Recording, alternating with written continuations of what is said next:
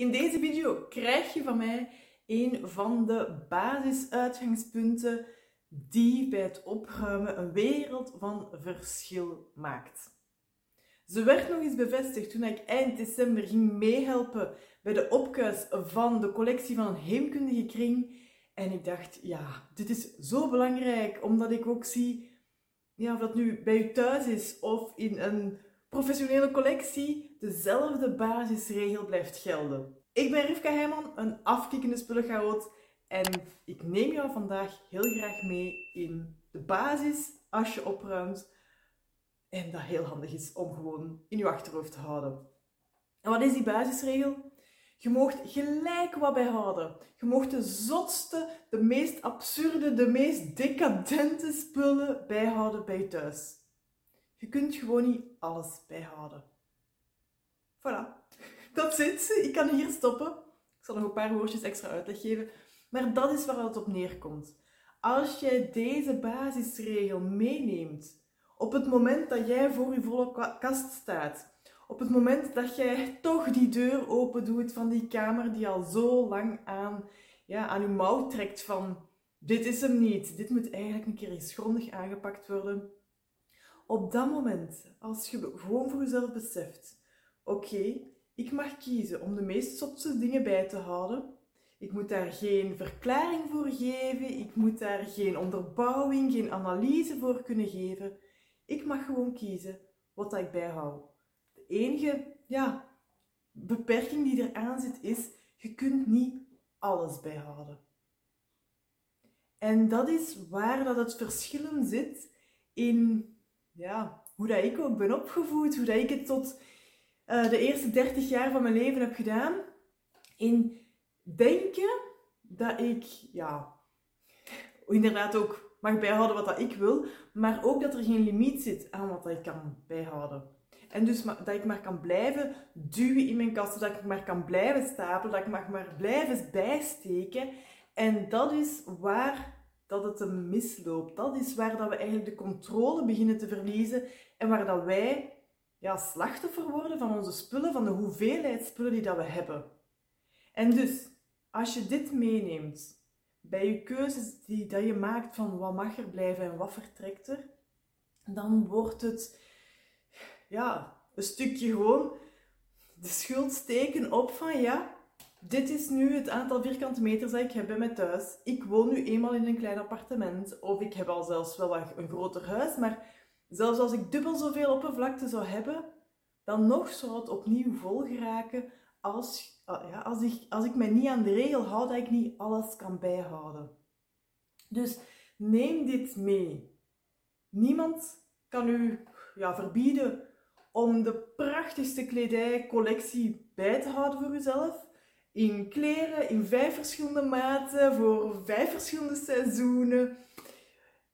Zolang dat het maar past in de vaste voorziene plaats voor kleding. Is dat één kast? Is dat een kast met een schuif? Is dat een hele dressoir, een dressing waar dat je kunt instappen en daar ja, vierkante meters aan kunt geven? Dat maakt hem niet uit. Het gaat erom, respecteert je de limiet van uw kast, van uw schuif, van uw dressing die dat je hebt. En van zodra je dat begint te doen, dan gebeurt de magie. Dus dat wil ik ook wel meegeven van, ja, dat is niet fijn om te horen dat je niet zomaar alles kunt bijhouden, maar dat weet jij ook al. En als je u begint meer ja, het respect op te brengen voor de hoeveelheid plaats die dat je hebt bij je thuis. En met plaats bedoel ik ook niet alles volgestouwd, van onder tot boven aan je plafond of overal de rond en zo. Met plaats bedoel ik dat je ook kunt bewegen, dat er ademruimte is, dat er de lucht een beetje kan circuleren.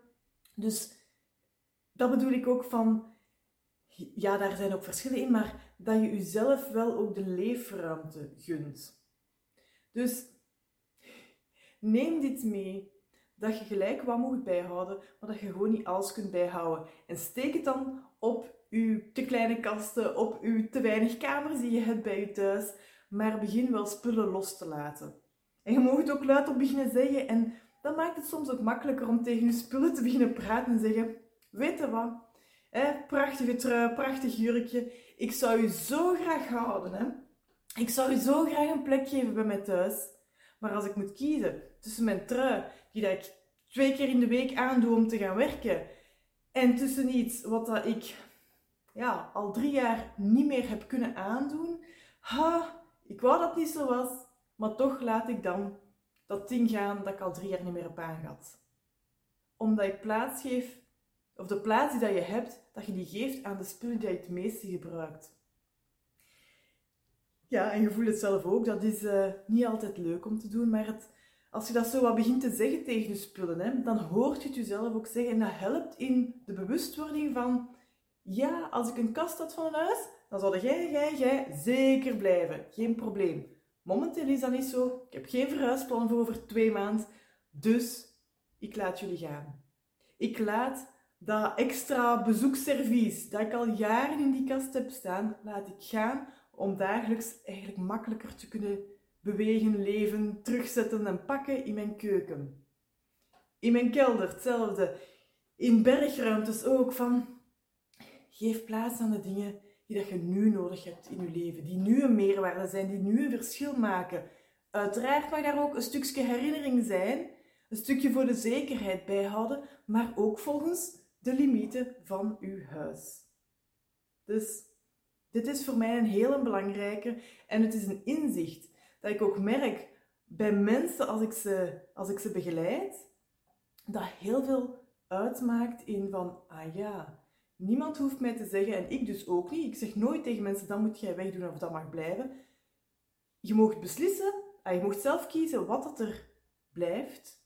Je kunt gewoon niet bij alles zeggen, het blijft. Dus er moeten wel dingen vertrekken, maar jij zet daar wel aan zet rond, wat vertrekt er dan?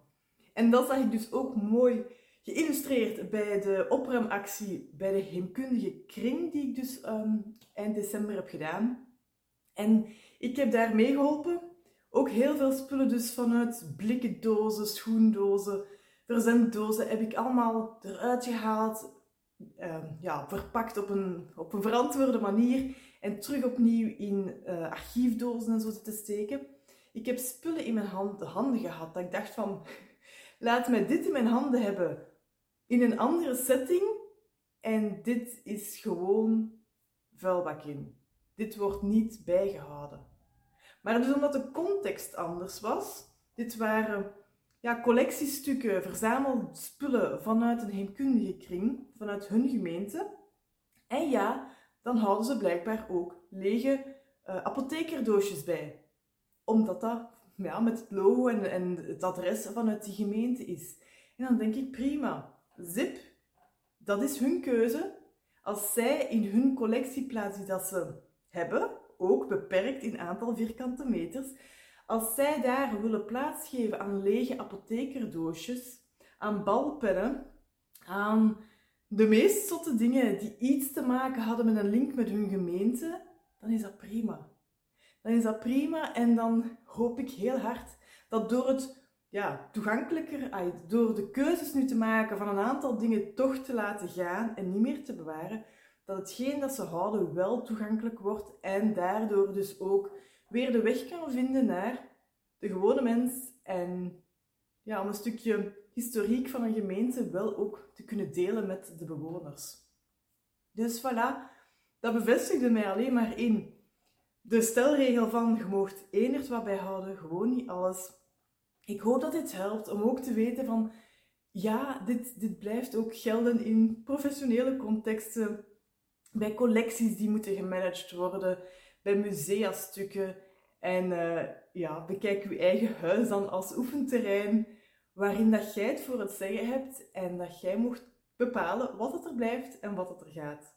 Ik hoop dat dit helpt. Ik ben Rivka Heijman, een afkikkende spullenchaot en ik wens je nog een heel fijne dag.